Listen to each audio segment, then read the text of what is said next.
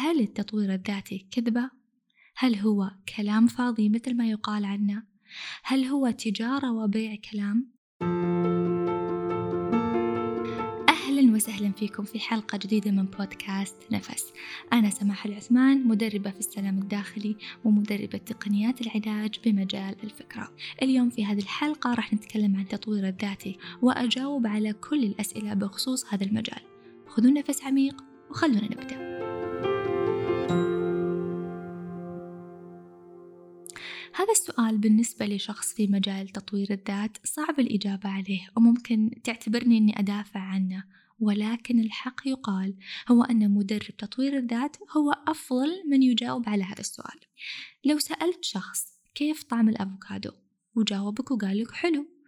طيب كيف حلو أنت ما ذقتها من قبل؟ أم ما أعرف بس هي من الفواكه فأعتقد أنها حلوة. سألت شخص ثاني كيف طعم الأفوكادو؟ قال لك ما لها طعم وتحتاج أنك تضيف لها بعض المطيبات حتى يصير طعمها جميل. سألت شخص ثالث كيف طعم الأفوكادو؟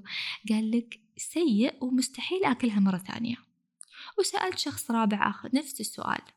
قال لك لذيذة جدا وما أقدر أستغني عنها. تعرف كمية الفوائد اللي موجودة فيها؟ قصة الأفوكادو هي نفس قصة تطوير الذات مع حفظ المراتب طبعا ولكن خلينا نتفق على شيئين أساسيين من هذه القصة. الشيء الأول إذا الشخص ما جرب تطوير الذات بعمق وطبق واكتفى فقط بما يقال له أو اطلع على السريع على فيديو أو فيديوهين وأبدى رأيه فأقترح عليه وعلى نفسي إننا ما ندخل في جدال حول هذا السؤال. والأمر الثاني من هذه القصة هي أن كل شخص يرى تطوير الذات من تجربته الشخصية من الأمور اللي طبقها ومن النتائج اللي شافها بعد ما طبق ما تعلمه والسؤال المطروح الآن على شخص مدرب في تطوير الذات هل تطوير الذات كذبة؟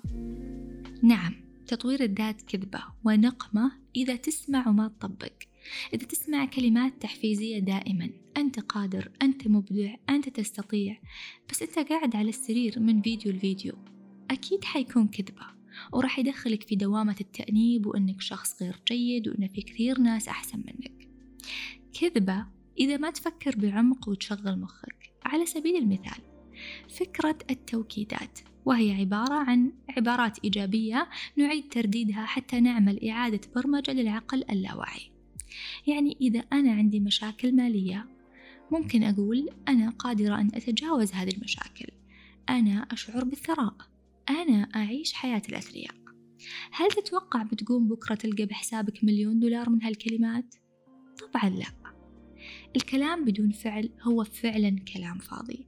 وأي شخص يصدق فاسمح لي أنت في مشكلة كبيرة أنك تسمع بس ما تفكر. وهذا المأخذ الذي يؤخذ على معلومات تطوير الذات.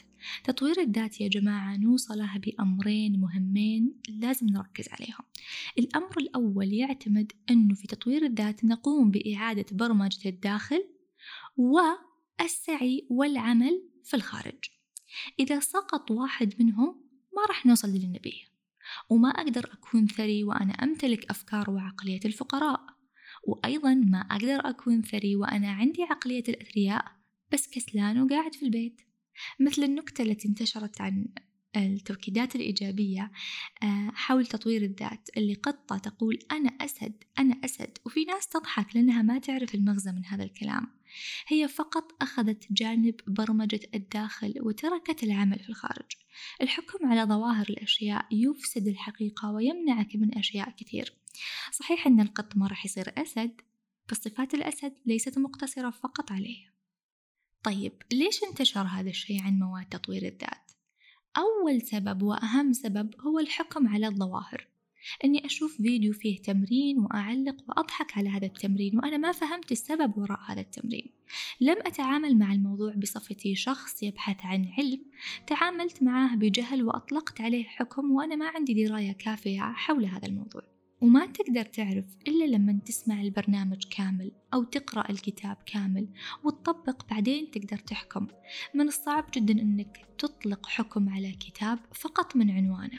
لازم أنك تقرأ هذا الكتاب كله وتفهمه حتى فعلا تستفيد منه. في دراسة أجريت حول الدورات وماركة التدريب وقد إيش ممكن الشخص يستفيد فعلا من هذه الدورات وينتفع منها. وجدت هذه الدراسة أنه ما بين خمسة إلى سبعة بالمية من المشتركين اللي اشتروا الدورة يكملون الدورة بالكامل.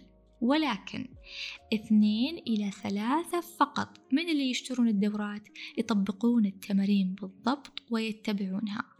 والباقي ممكن ما يحضرها أو يحضر نصها أو يمل منها وما يكمل فهنا نقدر نقول إنه الاثنين أو الثلاثة بالمية اللي طبقوا التمرين نقدر نسألهم هل فعلا استفدت؟ هل وجدت نتائج من هذه الدورة؟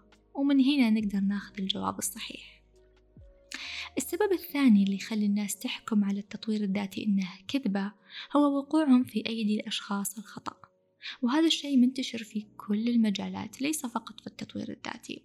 ولكن في تطوير الذات لأنه مجال يعتمد على زرع أفكار داعمة لك فنشوف أن الأغلب كلامه إيجابي ومحفز.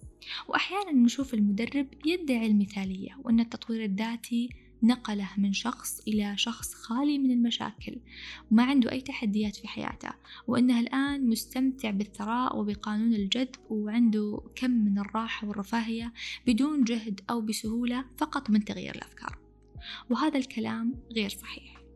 مهما بلغت من العلم أنت بشر وعندك نقاط ضعف. وعندك تحديات في حياتك تواجهك ولكن الجواب الصحيح أن تطوير الذات يعلمك كيف تواجه هذه التحديات بمنظور مختلف وتتخطى هذه الأحداث بشكل أسرع. احذر أنك تتبع الوهم ولكن لا تحذر من تطوير الذات لأنه حقيقة. السبب الثالث التعميم. هو أنك تعمم أن كل هذا المجال غير صحيح أو كل هذا المجال كاذب. إذا كنت فعلا تبغى تتطور فلازم تكون في حالة اتساع في حالة توازن في حالة قبول. في اتساع أنك تسمع معلومات جديدة عليك وفي توازن أنك لا تطلق الأحكام فقط. تستمع وتبحث. وهذه هي صفات طلاب العلم السؤال والبحث. وفي حالة تقبل للأمور الجديدة حتى وإن لم تتقبلها. مو شرط تطبقها ولكن ابتعد عن التعميم لأن التعميم لغة الجاهل. وخليني أشاركك سر أطبقه شخصيا لما أسمع أي معلومة جديدة. أول شيء نيتي أني أنا أستفيد من كل شيء في هذه الدنيا وأني دائما أكون في حالة توسع وتطور. فلما أسمع أي معلومة جديدة أو علم جديد أو غريب ممكن عقلي لا يتقبله ما أطلق عليه حكم ولا أقول إنه خزعبلات أو كذب أو غير صحيح. لأن هذا الحكم راح يسكر علي أبواب كثيرة. بالعكس خليني أسأل إيش وراء هذا العلم؟ ليش يطبقون هذا الشيء؟ أكيد أن الشخص اللي اخترعه ما اخترعه عبث هو عنده وجهة نظر أو نظرية خلف هذا الشيء فخليني أكتشفه وإذا ما أعجبني أحطه على جنب وأقول إنه ما يناسبني ولكن بعد إيش؟ بعد ما اكتسبت معلومات جديدة تعرفت على شخصيات جديدة قرأت معلومات جديدة وصرت ملم بعلم جديد حتى وإن كان ما يناسبني والسؤال الأهم في هذه الحلقة أنت يا سماح كيف استفدتي من التطوير الذاتي؟ دخلت هذا المجال في عام 2017 بالصدفة وشفت فيديوهات كثيرة لمدربين معروفين وكنت أسمع معلومات غريبة وجديدة علي مثل التوكيدات مثل الكتابة العلاجية مثل أن الخيال يصنع الواقع مثل قانون الجذب وكنت أقول معقول كيف؟ وظليت أسمع وأسمع بدون أي حكم فقط أطرح تساؤلات والسؤال دائما يفتح لك أبواب جديدة. أما الحكم يغلق عنك الأبواب. كنت أقول كيف كذا؟ وليش هذا التمرين؟ وإيش الحكمة من الخيال؟ وعرفت أنه أغلب التمارين في التطوير الذاتي تعمل على برمجتك من جديد. الخيال فعلا يصنع الواقع وقانون الجذب حقيقي. وفي قصة دائما أشاركها مع الآخرين عن تجربتي مع قانون الجذب قبل حتى ما أعرف عنه. قبل أكثر من خمس سنوات كنت في زيارة لمنزل لصديقة والدتي.